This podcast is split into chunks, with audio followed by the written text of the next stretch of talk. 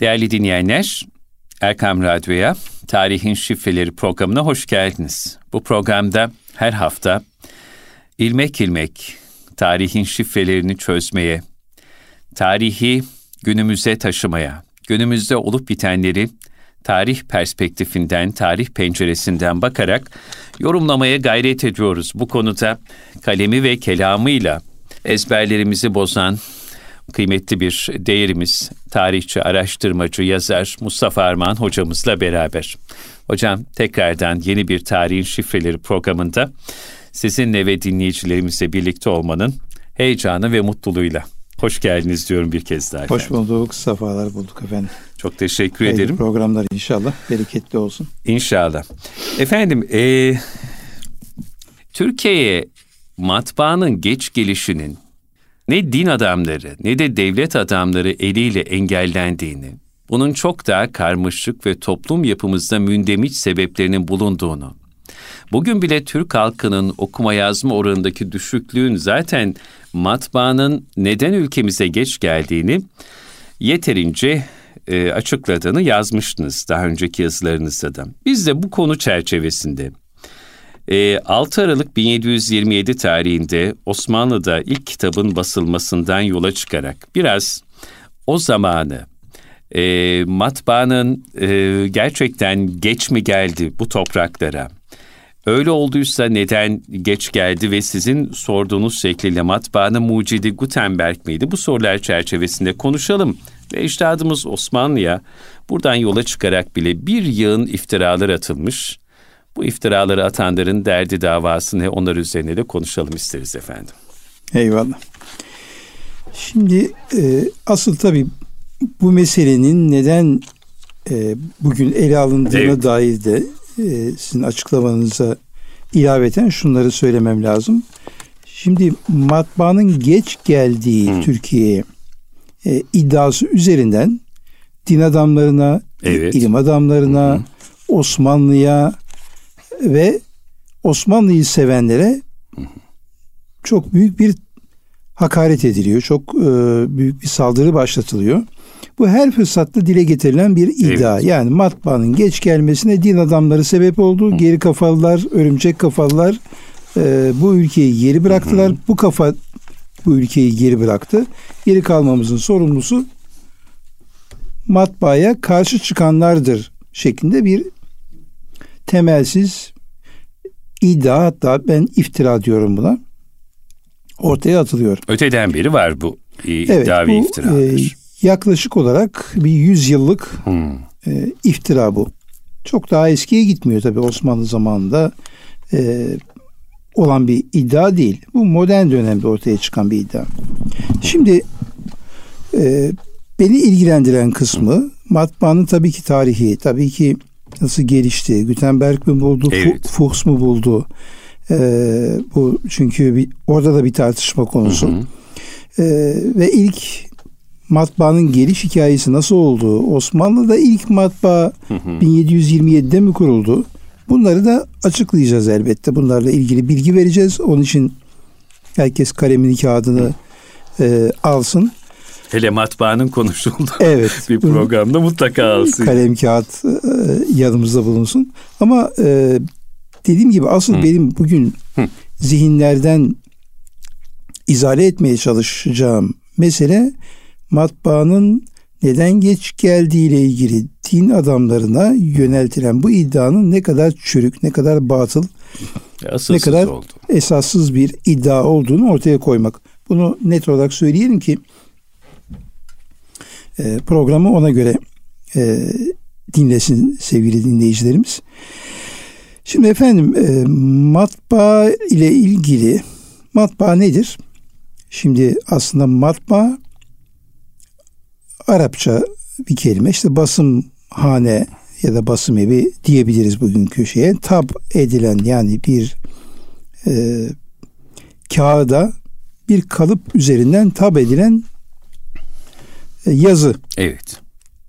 Şimdi bunun aslında Çin yahut Uygur Türkleri tarafından bulunduğu hı hı. E, yahut Uygurların Çin'e ya da Çin'in Uygurlara tesiri sonucunda o bölgede ortaya çıktı ve bu kağıt üzerine basılan e, yazıların e, ve kağıdın tabi icadı onları bilen e, Türkler aracılığıyla ya da Çinliler aracılığıyla Talas Meydan Savaşı'ndan sonra esir düşen Çinlilerin e, ustaların Müslüman alimlere Semerkant'ta işte bir kağıt imalathanesi açılıyor ve oralarda yavaş yavaş bu matbaa başlıyor. Şimdi matbaa e, bir kalıp üzerine taş, çinko, tahta, herhangi bir kalıp üzerine bir yazı tersten yazılmak suretiyle daha onun diyelim ki 9. 8. yüzyıldan beri kullanılıyor. Dünya bunu biliyor. Yani kalıba işliyorsun. O kalıptan e, tab etme işini yapabiliyor insanlar. E, Gutenberg veya Fuchs'un bulduğu matbaa müteharrik harflerden oluşuyor. Evet. Yani farkı orada. Öteki kalıptı. Sadece o kalıpta yazılan şeyi basabiliyordu. Burada farklı olan her harfi ayrı bir e, birim olarak ele alıp hı hı. harflerin yerlerini değiştirmek suretiyle o kalıba konulanlar dökülüp yeniden bir sayfada kullanılabilir hale geliyordu. Yani harfler burada önemliydi. O sayfa değil. E, harfleri sonsuza kadar kullanabilirsin Tabii. değiştirip değiştirip. E, bu matbaa evet Gutenberg yahut onun patronu olan Fuchs tarafından bulundu. Bu şeyde Avrupa'da Hollandalılarla Almanlar arasında bir tartışma konusudur. e, Hollandalılar der ki bu patronu Gutenberg'in patronu bir mücevherci dükkanı vardı. E, Fuchs'tur. Almanlar ustayı Gutenberg'i söylerler. Hayır Gutenberg buldu. O derler ki Hollandalılar Fuchs onu işe almasaydı, o iş yerini açmasaydı o nereden yapacaktı? Almanlar da der ki işte Gutenberg olmasaydı o dükkanda bu e, işi kim yapacaktı? Yani iki ülke arasında böyle bir tartışma olur. Bunu şunun için söylüyorum. Aynı zamanda. E, milletler kendi değerlerine bakın sahip çıkıyor. Çıkıyorlar. Şimdi bu çok önemli bir şey. Yani bizim de örnek almamız gereken şey. Mesela Hollandalılar bırakmıyor ipi ucunu. Hayır diyor bizim adamımız matbaayı buldu. Öteki onu söylüyor vesaire böyle bir şey var. Şimdi Çin son yıllarda dünyadaki yükselişine paralel olarak kendi tarihini de dünyaya taşımaya başladı. Bu pek farkına varmadığımız bir şey. Hmm. Çin son yüzyılda kendi yükselişine paralel evet. olarak kendi tarihinde dünyaya yaymaya lanse etmeye evet. başladı. Dünyayı kendi gözüyle okuyacak evet, bir tarih evet. e, anlayışını. Mesela e, Amerika kıtasını Christoph Kolomb'dan yaklaşık 70 yıl önce bir Çinli denizcinin bulduğunu, keşfettiğini ortaya attı. Buna dair e, bir kitap yazıldı. Bu kitap milyonlarca satıldı e, İngilizce 1421 kitabın ismi o Türkçe'ye de tercüme edildi 1421. Burada Amerika kıtasına o Çinli komutanın ki bir Müslümandı bu komutan o da enteresan bir şey yani Moğollardan Tan Hanedanı'ndan bir Müslüman amiraldi. Çin'in o zamanki e, Deniz Kuvvetleri Komutanıydı. Bu doğudan batıya doğru kat ederek Ümit Burnu'nun tersinden batıya doğru kat etti ve oradan e, Amerika kıtasına çıktı ve orada kaldılar. Hatta işte mesela Amerika kıtasındaki bazı köpeklerin genleriyle Çin'deki genler karşılaştırıldığında aynı çıktı. Yani bunlar çok eski dönemlerde bulunan kalıntılar vesaire. Neyse onu başka bir zaman konuşuruz. Ee, ama ne dedim yani Çin kendi tarihini bu şekilde yaygınlaştırmak evet. için bir gayret içerisinde. Niye? Çünkü kendinde o gücü görmeye başladı artık. yani ben Avrupa merkezli tarihi niye kabul edeyim diyor. Ve Amerika'yı Avrupa'nın değil Çin'in keşfetmiş olması Amerika karşısında psikolojik bir üstünlük sağlama gayretidir aynı zamanda. kendi halkına bu motivasyonu veriyor. Biz ne kadar ayağımızın altına alıp e, çiğniyoruz tarihimizi ama bakın Avrupalılar da şimdi Hollanda'yı bahsettik, Almanya'yı bahsettik, Çin'e bahsettik. E, onlar kendi tarihlerini sürekli yüceltici, sürekli e, insanlara moral verici bir şekilde en parlak başarılarını anlatmaya çalışıyorlar. Şimdi bu nasıl bir mantıktır? Bir ülke nasıl olur da kendi tarihini e, ve tarihinde yaşamış şahsiyetleri kötülemek üzere bir tarih eğitimi kurar? Bu sömürge mantığıdır. Yani başka türlü açıklanamaz. Sömürge mantığından başka bir açıklaması olamaz bunun. Ee, sömürge ne yapar? Senin tarihini küçümsel sömürgeci. Der ki sen şunu yapamamıştın, bunu yapamamıştın. Ben geldim, seni kurtardım, seni e, adam ettim.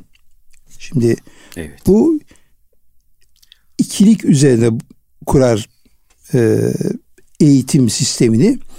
E, bir üstün medeniyet vardır, bir aşağı medeniyet. Sen oradaydın, ben geldim sana bunları öğrettim der Fransa'da, Cezayir'de e, Fransızların işte yaptığı gibi tabii. Suriye'de Fransızların, Irak'ta İngilizlerin yaptığı gibi o sömürge döneminin mantığı budur. E, fakat Türkiye sömürge olmadığı halde aynı mantık Türkiye'de nasıl kuruldu? Ben bunu sorguluyorum. Yani Batı nasıl oldu da bizi sömürgeleştiremedi ve bir sömürge tecrübesi yaşamadık. Ama nasıl oldu da Batı üstündür, biz aşağıyız, biz bu kadar e, geriydik, bu kadar berbat bir vaziyetteydik. Batı geldi ya da Batı'nın eliyle burada kurulan düzen geldi, bizi kurtardı. Ve o ona çok şey borçluyuz, şükran borçluyuz e, diye bir anlayış bu topluma e, zerk edildi. Bu büyük bir aşağılık kompleksine yol açtı ki şu anda e, bunun sonuçlarını, gerçek sonuçlarını şu anda görüyoruz. Görüyoruz. İşte evet. zaten hocam Osmanlısızlaştırma, İslamsızlaştırma projesinin hedefi de tam olarak bu değil mi evet. efendim? Bu programlarda konuşuyoruz her fırsat. Köksüz olan işte. nesne ya da bitki ne olacak? Yüzeye kapılıp hı hı. akıntı içerisinde şey yapacak. E, ama Savrulup gidecek bir, tabii. Kökü olsa o bulunduğu yeri terk etmez. E, bulunduğu yer ne demek? İlle ülke bayrak değil. Sen hı hı. oraya ait olma hissi. Yani oraya ait olma hissini kaybedersen şimdi Almanya'da yaşayıp da Türkiye'de yaşıyormuş gibi hisseden insanlar burada yaşayanlardan çok daha buralıdır. Yani ille fiziki olarak o mekanda bulunmak değil, kalben ve zihnen oraya ait olduğunu hissetmek meselesidir. Ee, şimdi Çin'in bu gayreti ben Tayvan'a gittiğimde 2004 müydü 2006 mıydı neyse bütün dükkanlarda ki Çin Tayvan'ı kabul etmiyor fakat Tayvanlar işte e, onun kitaplarını satıyordu. Bütün dükkanlarda bu kitap vardı. Bahsettiğim 1421 e, Gavin Menzies'in kitabı. E, dolayısıyla bütün dünyada her millet çocuğuna tarihini öğreterek ona bir kimlik kazandırmaya çalışır. Tam tersine bu tarih bizim kimliğimizi ortadan kaldırmak için adeta dizayn edilmiş gibi e, görünüyor. Matbaa meselesinde de aynı. Evet. Yani matbaa geç geldi. Niye geç geldi? Din adamları yüzünden, işte Osmanlı yüzünden, gericiler yüzünden. Gericiler dediği Müslümanlar. Halbuki böyle bir şey olmadığı gibi bakın onu özetleyelim. E, matbaanın geç gelmesinin din adamlarıyla, devletle, yasaklamayla, engellemeyle bir alakası yok. Hiçbir din adamı matbaa aleyhine bir tek fetva vermemiştir. Bir tek yazı yazılmamıştır. Bir tek kitap yazılmamıştır. Yani karşı çıktı dedikleri kesimin yazdıklarına bakıyorsun. Onlarda böyle bir şey yok. E, dolayısıyla nasıl karşı çıkmışlar? Ben bunu anlamaya çalışıyorum. Yani bir şey yazmamışlar, etmemişler falan. Yani gümrüklere bunları gönderip oradan içeriye sokarken bunlar mı engellemiş? Nasıl karşı çıkmışlar? Öbür taraftan nihayet 13 sayıya da ulaştım. İlk basılan Vankulu lügatında e, müteferrika matbaasında basılan Vankulu lügatında bir numaralı kitap. Baş tarafında Şeyhülislam Yenişehirli e, Abi Yeni yok. Hı. Yenişehirli neyse e, ismi bir anda zihnimden silindi. Şeyhülislam Efendi'nin, İstanbul Müftüsü'nün, eski İstanbul Müftüsü'nün, İstanbul Kadısı'nın, eski İstanbul Kadısı'nın böyle 11 tane matbaanın gelmesinin ümmet Muhammed'e ne kadar faydalı olacağına dair takrizler var. Ya bu 11 tane metni ben ayrıca yayınlamak hı hı. istiyorum. Yani İnşallah. Bir, e, makale halinde ki görsünler. Yani matbaanın faydasını ümmet Muhammed'e getireceği faydayı, dinimizin yayılmasına yapacağı katkıyı anlatan 11 tane metin var elimizde. Ve bu da ilk kitabın evet. ilk baskının başında yer alıyor. İkinci baskıda gerek görmemişler. İlk baskıda mevcut.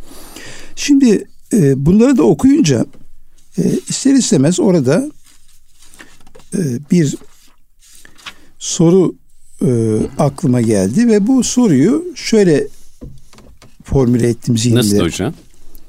Şimdi matbaanın geç gelmesine e, karşı çıktığı söylenen yani Şeyhülislam Yenişehirli Abdullah Efendi. Onu da hatırladım. Ne, ne nasıl oldu da Osmanlı matbaa geç geldi? Şimdi bu soruya bir cevap arayalım beraberce.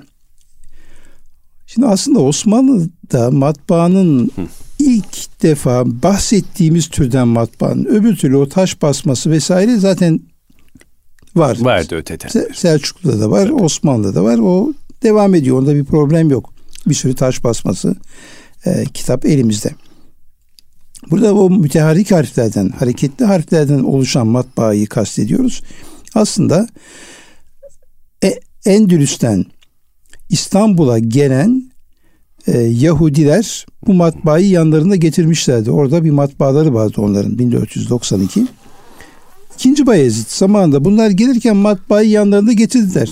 İstanbul'da bu matbaayla kitap bastılar.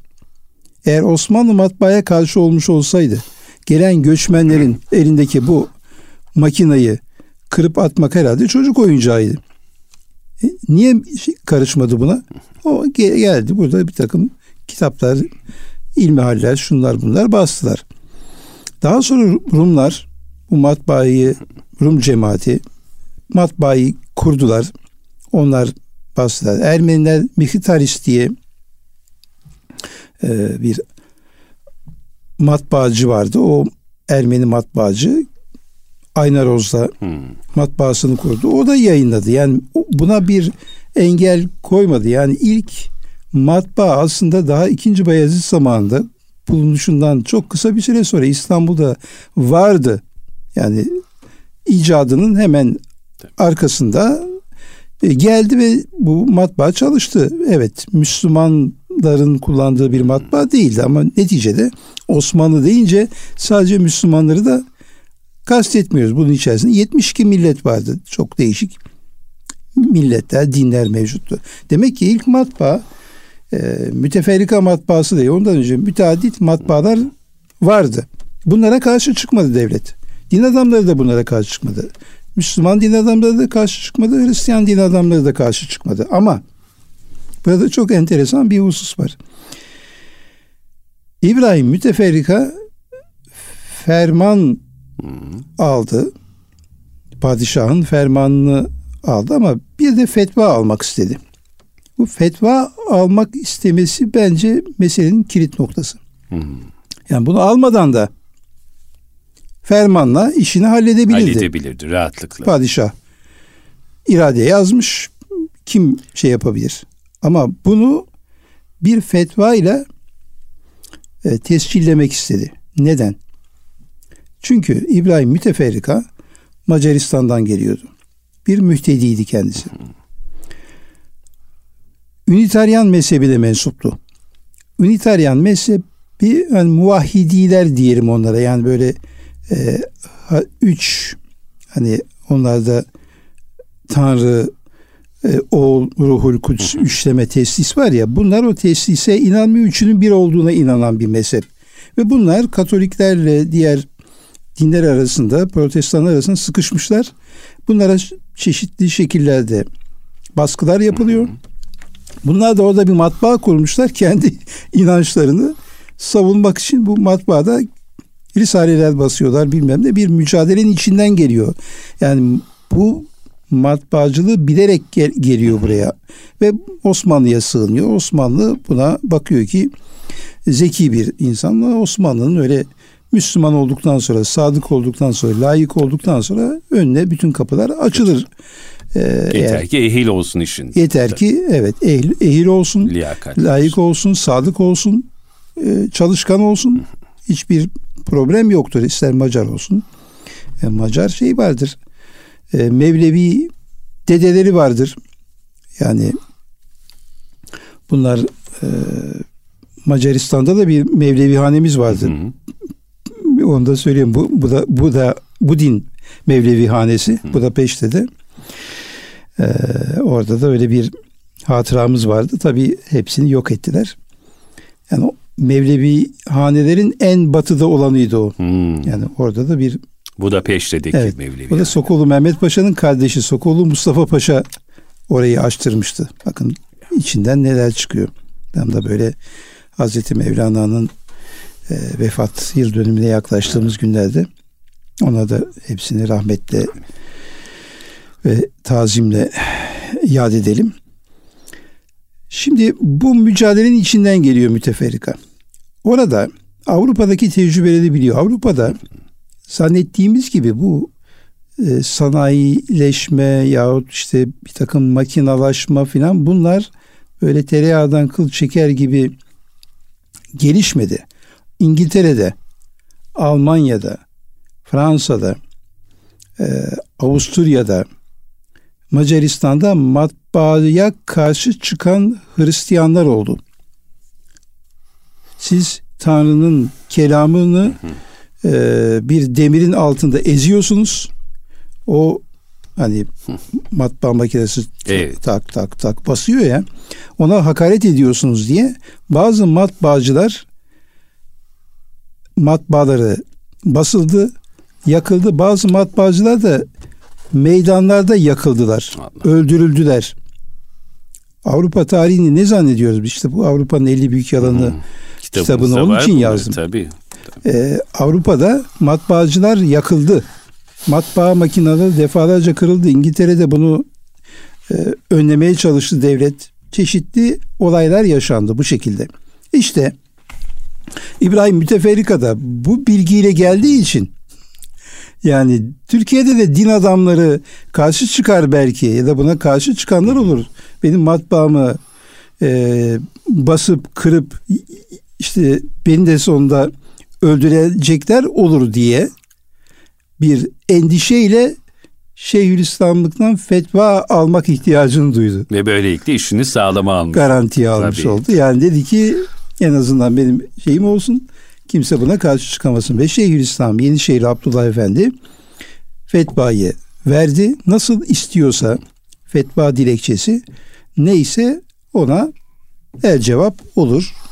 El cevap olmaz. Bu şekilde şey yapılır. Onun isteği kabul edilir. Ve buna onay verildi. Böylece e, İbrahim Müteferrika hem padişahtan hem Şeyhülislam'dan alarak kendisini garantiye aldı ama e, daha sonra hiç böyle bir tepki Osmanlı'da olmayınca olmadığını görünce kitabının ikinci baskısında Van Kulu Lugat'ın ikinci baskısında bu takrizleri kaldırdı. Gerek yok çünkü böyle bir şey olmadı. Aradan e, işte 10 yıl kadar zaman geçti. İkinci baskıda yoktur bu takrizler. Birinci baskıda var. Demek ki e, İbrahim Müteferrika'yı endişeye sevk eden taraf Avrupa tarihinde yaşanan olumsuzluklardı. onu bildiği için burada da onların bir benzeri yaşanacağını tahmin etti. Şimdi ben bunları nereden fark ettim? Yani onu da söylemem lazım. Cevdet Paşa. Ahmet Cevdet Paşa. Ahmet Cevdet Paşa. Yani muhteşem bir insan, muhteşem hmm. bir beyin, muhteşem bir kalp.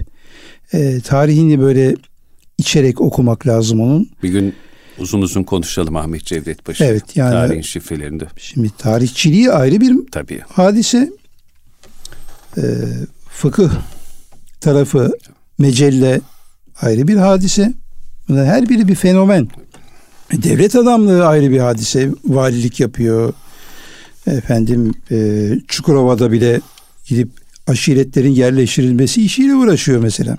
Yahut Bosna'da e, gidip bir takım e, şeyler var o zaman e, gevşeyen noktalar var. Oralara gidip oralarda düzenlemeler yapıyor. Yani devlet adamı tarafı bir yerde ki bakanlığa kadar yükseldi.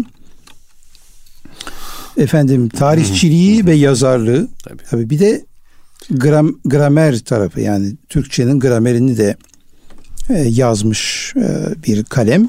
Öbür tarafta da bu e, fıkıh veya İslami ilimler sahasında yaptığı çalışmalar. Yani çok boyutlu Osmanlı bir adamı böyle tek boyutlu yetiştirmez. Mutlaka onların çok renkli bir dünyaları. Mütebahhir, evet. münevver diye çok güzel evet, bir tabir var güzel. ya. Gerçekten Osmanlı böyle yetiştiriyor insanları. Yani şair mesela bu adam tabii, aynı tabii. zamanda şair ve e, güzel de şiir yazıyor. E, şey de yapıyor yani e, müthiş bir kalem tabii ki. Şimdi o şöyle açıklıyor. Yani bu diyor aynen benim şu anda söylediğim şekilde meseleyi açıklıyor. Diyor ki korktular diyor Türkiye'de de hani acaba bizde de böyle bir tepki veren olur mu diye. Buna mukabil diyor Şeyhülislam dalga kıran olarak önüne geçip yani Fetvayı eğer verdi. böyle bir şey olacaksa bile bunun önünde biz varız. Kendisi yazmakla yetinmedi. O 10 tane alime de buna ön söz yazdırarak bakın biz bu işin arkasındayız. arkasındayız ya da önündeyiz. Ona göre mesajı verildi. Bu şekilde hani olabilecek bazı tepkilerde yani oldu de, demiyoruz. Olabilecek tepkilerde Önüne en baştan e, önleyici tıp gibi bir adım atıldı. Bu şey yapıldı. Fakat şimdi burada ikinci bir iftira daha var. Yani din adamları karşı çıkmadı. Bunun karşı çıkmasıyla ilgili bir hadise söz konusu değil diyoruz. Ama bir başka iddia ya da iftira efendim e, dini kitapların basılmasına izin verilmedi iddiası. Halbuki şimdi halbuki fetvanın ne olduğunu, nasıl bir prosedürle alındığını bilirseniz bu soruyu kendiliğinden cevaplarsınız. Yani aslında tarihin savunulmaya ihtiyacı yok. Anlaşılmaya ihtiyacı var. Anladığınız zaman zaten savunmaya gerek kalmıyor. Şimdi Cevdet Paşa bunu açıklıyor. Tabii Osmanlıcasından da bir cümle okuyayım. Lütfen, lütfen. O muhteşem ya. dille. Bakın ne diyor.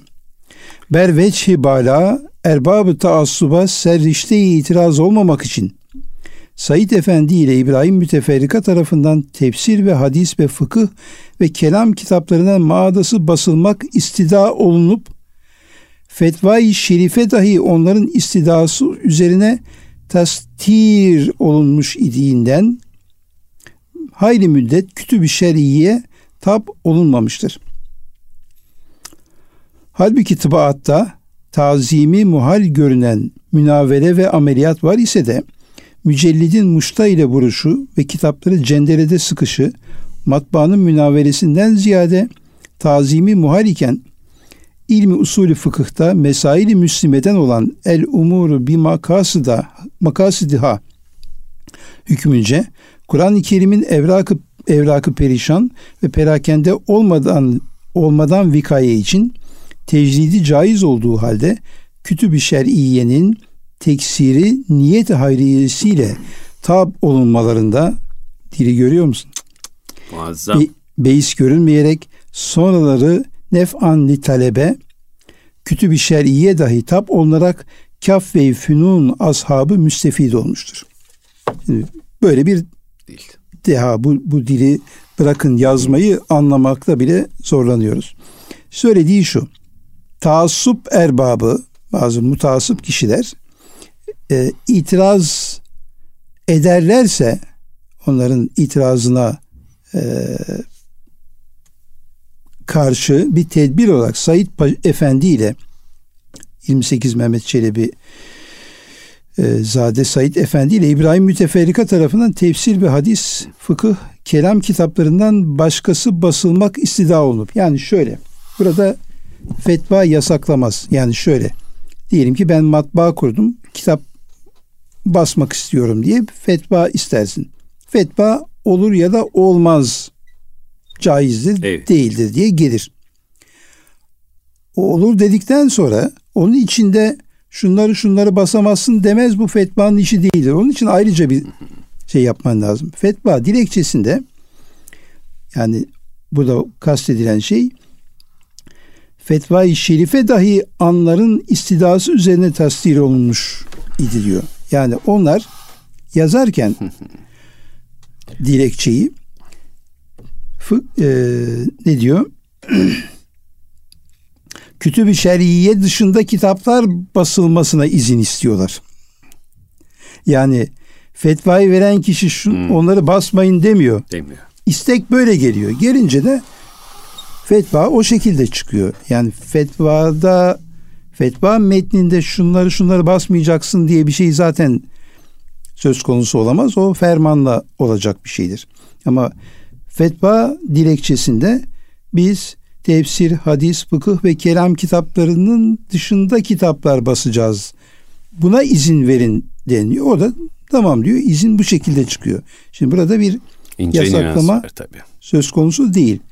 Fetvayı isteyenlerin talebini hı hı. tasdik ediyor. Ona şey yapıyor. Fakat e, bu burada diyor e, bir takım diyor Arap harflerine işte muştayla vurmak, işte e, cenderede sıkmak falan gibi şeyler yapıldığında bazı insanlar bu taassup ehli belki buna karşı çıkarlar gibi bir endişe olduğu için bunun da diyor karşısında yine e, bu fetvanın olması bir engel oluşturdu ve bundan dolayı da diyor şey herhangi bir itiraz olmadı. E sonra zaten dini kitaplar da basılmaya başlandı diyor. Yani başlangıçta lügat kitabı, tarih kitabı, işte coğrafya kitabı bunlar e, basıldı ilk kitaplar içerisinde.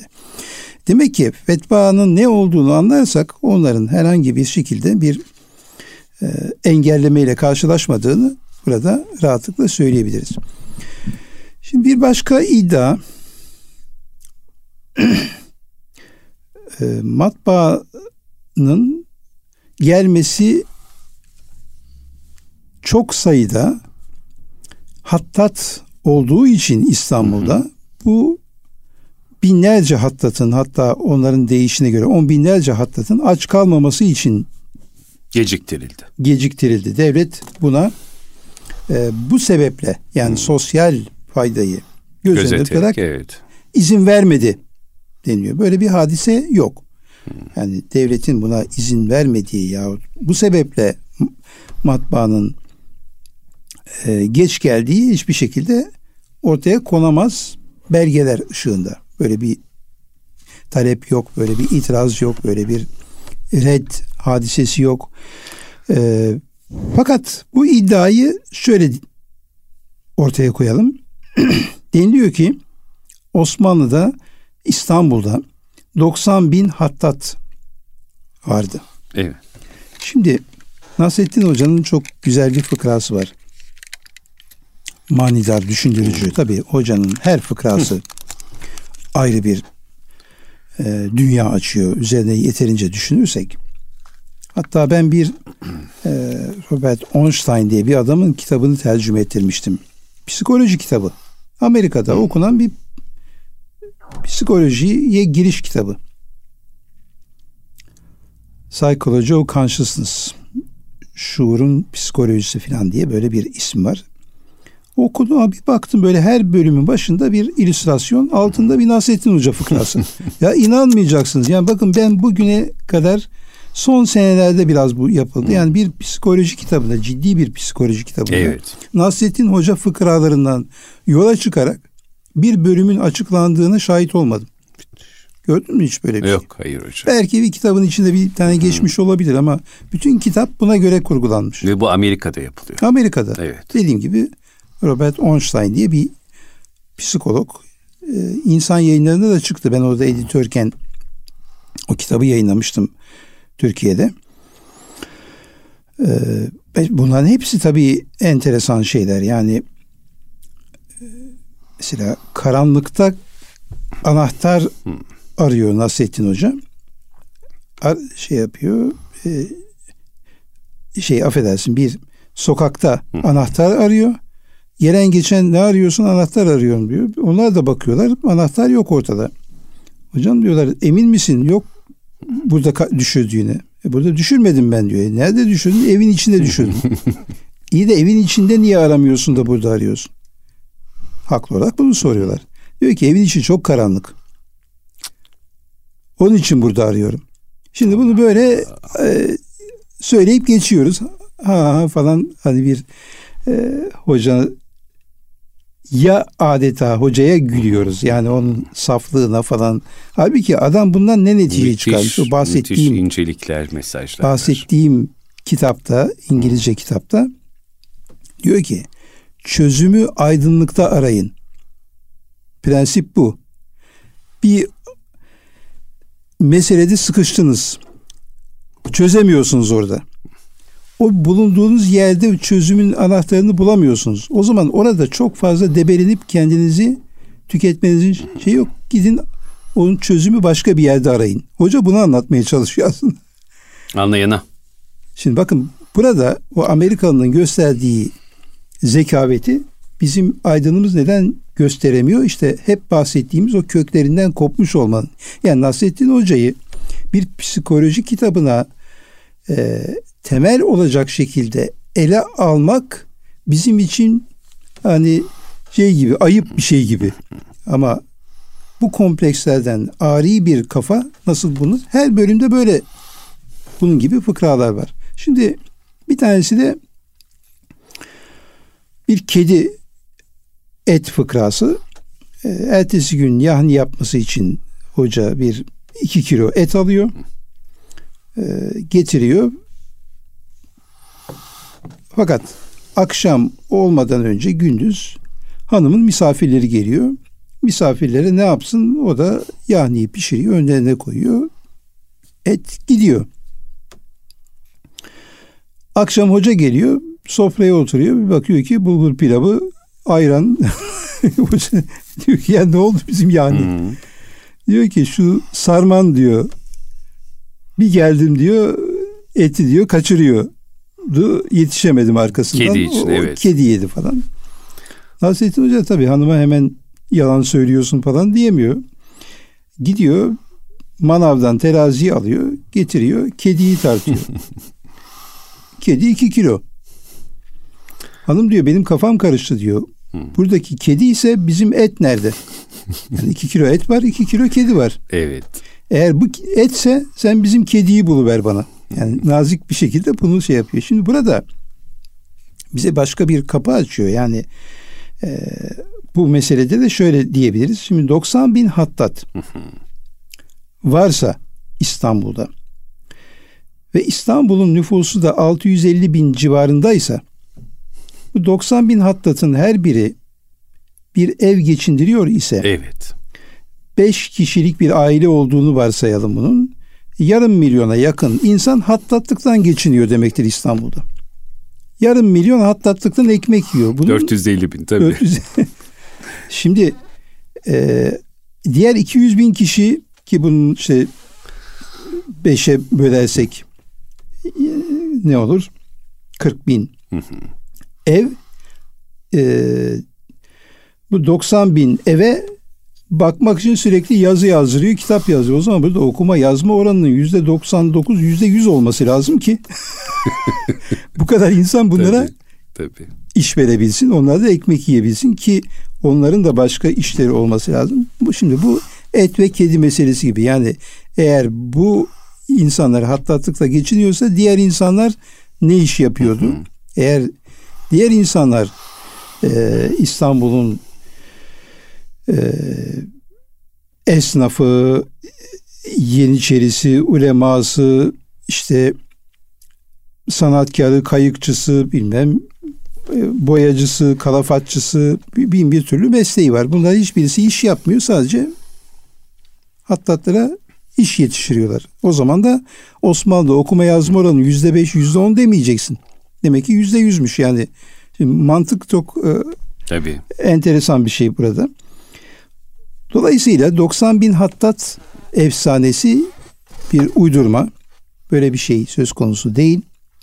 9 bin hattat bile hattat öyle kolay yetişen bir şey değil. Yani bugün toplasanız Türkiye'de 50 tane 100 tane hattat hani tamam acemice uğraşanlar vardır ama yani neticede hattat dediğim kolay yetişen bir şey değildir. Yani Osmanlı'da hiçbir dönemde bu kadar hattat olması da mümkün değil.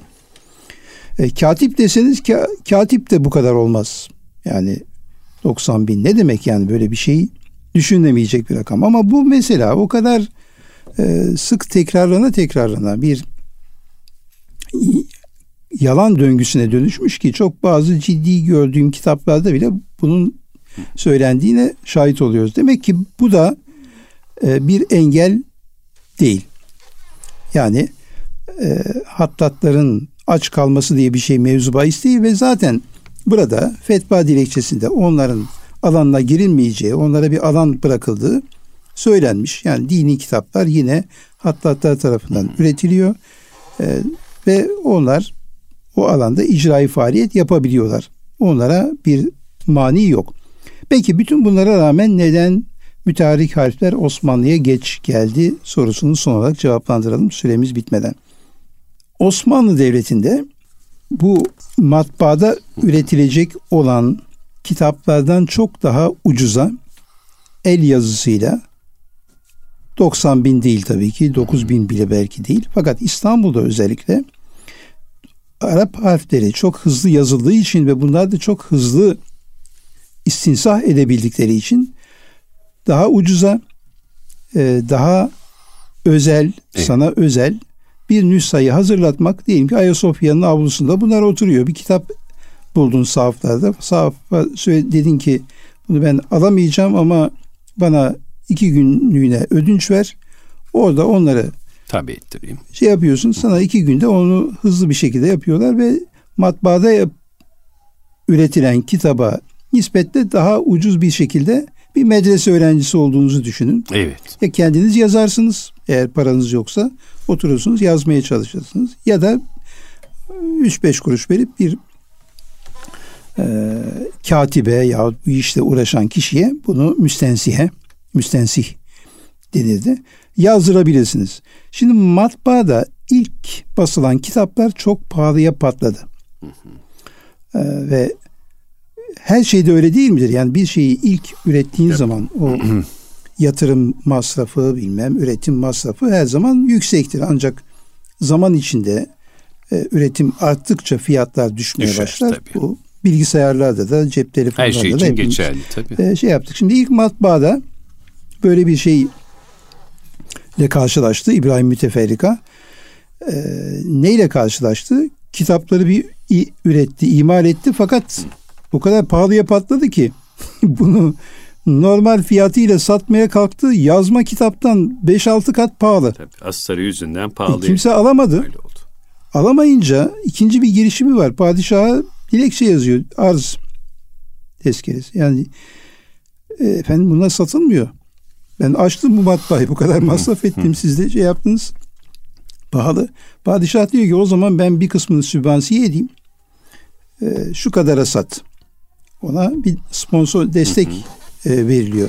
O sayede biraz normal fiyata yaklaşabiliyor. Şimdi demek ki yazma kitabın hem pratik hem ucuz olma özelliği var. Bunun karşısında matbaayı getirip matbaada kitap basıp e, topluma yaymanın e,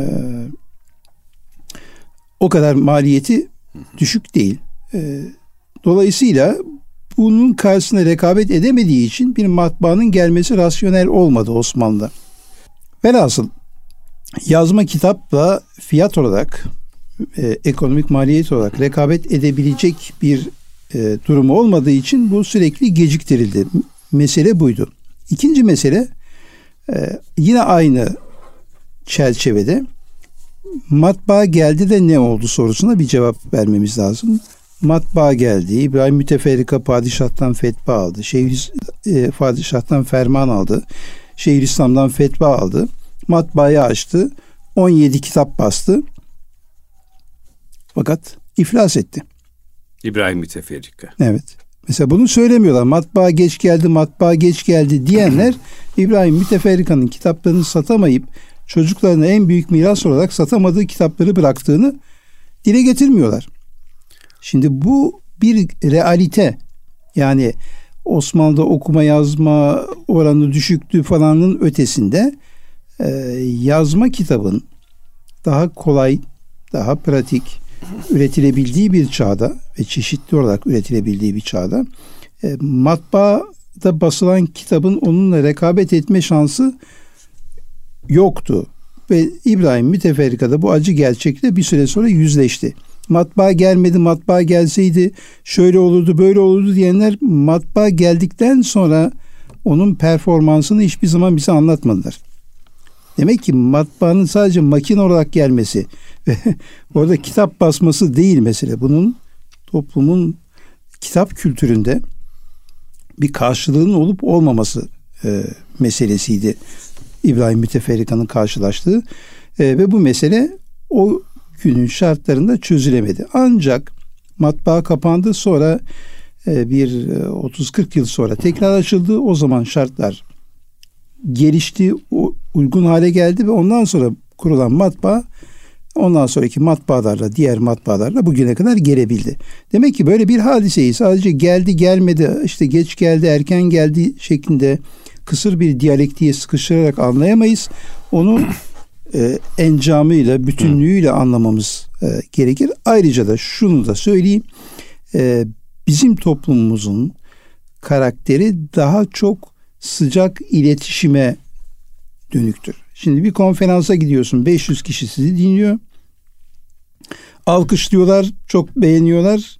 Ee, dışarıda kitap imzasında evet. 50 kişi ya var ya yok. Şimdi bu yani sadece para meselesi değil. Yani oraya verecekleri 10 lira 20 lira ceplerinde yok manasında herhalde bunu yorumlayamayız. Ama sıcak iletişimden hoşlanıyoruz. Yani sohbet, tabii, muhabbet, e, sesle, görüntüyle, e, hal transferiyle. Tabii. Öbür öbür şeyi biraz soğuk geliyor bize. Yani kitaptan okumak soğuk iletişimdir çünkü bu.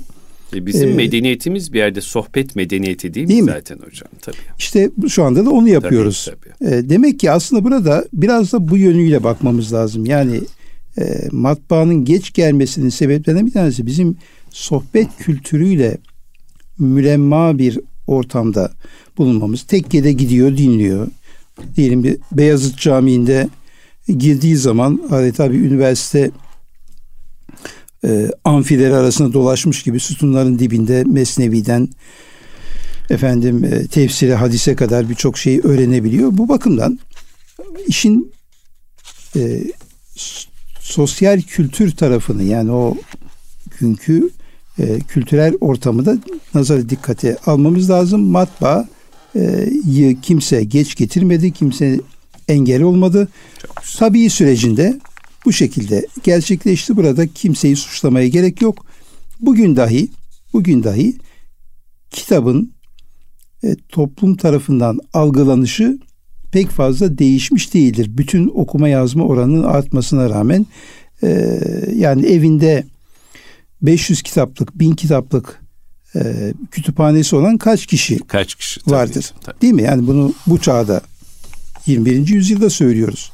Halbuki bu kadar çok kitabın basıldığı, üretildiği bir dönemde 85 milyonluk bir ülkede çok daha e, yüksek tirajlarda kitaplar basılması lazım ama görüyoruz ki bin tane, iki bin tane e, basıldığı zaman iyi basmış denilebiliyor. Bu da aslında e, matbaanın neden geç geldiğini açıklayan bir kriter. Evet kesinlikle hocam çok teşekkür ederiz.